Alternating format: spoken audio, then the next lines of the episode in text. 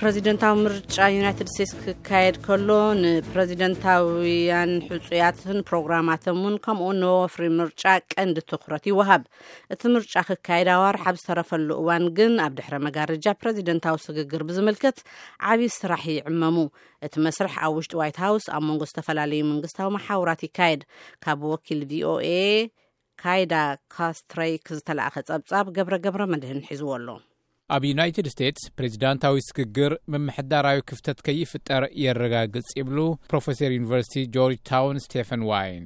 ኣብዚ ዓመት ፕሬዚዳንት ኮይኑ ዝምረጽ ካብታ ፈላመይቲ መዓልቲ ጀሚሩ ከም መሓደር ድልዊ ንክኸውን ዝሕግዝ ዘሎ ማእኸል ፕሬዚዳንታዊ ስግግር ዝተብሃለ ትካል እዩ።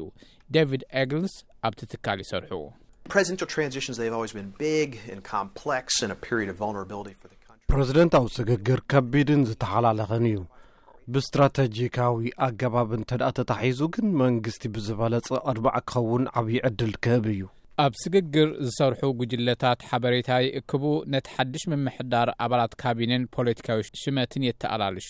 መስርሕ ስግግር ኣብ እዋን ወፍሪ ብዝነበረ ምስሕሓብን ቅርሕንትን ነጻ ክኸውን ተገይሩ ዝተሓንጸጸ እዩ ይብሉ ስቲፈን ዋይን።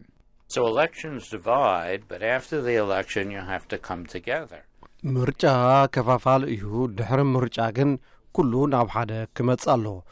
ናይ ህዝቢ ጠለባት ንምምላእ መንግስቲ ስርሑ ክቕጽል ኣለዎ። ስቲፈን ወይን ኩሎም መንግስታዊ ትካላትን መሓውራትን ከምቲ ንቡር ክቕጽሉ ኣለዎም ይብሉ። ብምስዓብ ዋላ እንተዘይፈተኻዮምን እንተዘይመረጽካዮምን እውን እቶም ሓደሽቲ ሰባት ስልጣኖም ክርከቡ ምሕጋዝ ኣዝዩ ኣዝዩ ኣገዳሲ እዩ ይብሉ። ኮንግረስ ፕሬዚዳንታዊ ስግግር ብዝምልከት ኣብ 1963 ኣቋፅራ ፈረንጂ ኣብ እዋን ፕሬዚዳንት ጆን ኦፍ ኬነዲ ሕጊ ጽዲቑ። ምስ ቅንጸላ ኬነዲን ምርካብ ስልጣን ሊንደን ጆንሰንን ስዒቡ ኣብ ዝተኻየደ ምርጫ ብምዕዋቶም እቲ ሕጊ ንፈለማ ግዜ ኣብ ግብሪ ዝውዓለ ሪቻርድ ኒክሰን ፕሬዚዳንት ኮይኖም ዝተመርፁ ኣብ 1968 ኣቆዋፅራ ፈረንጂ እዩ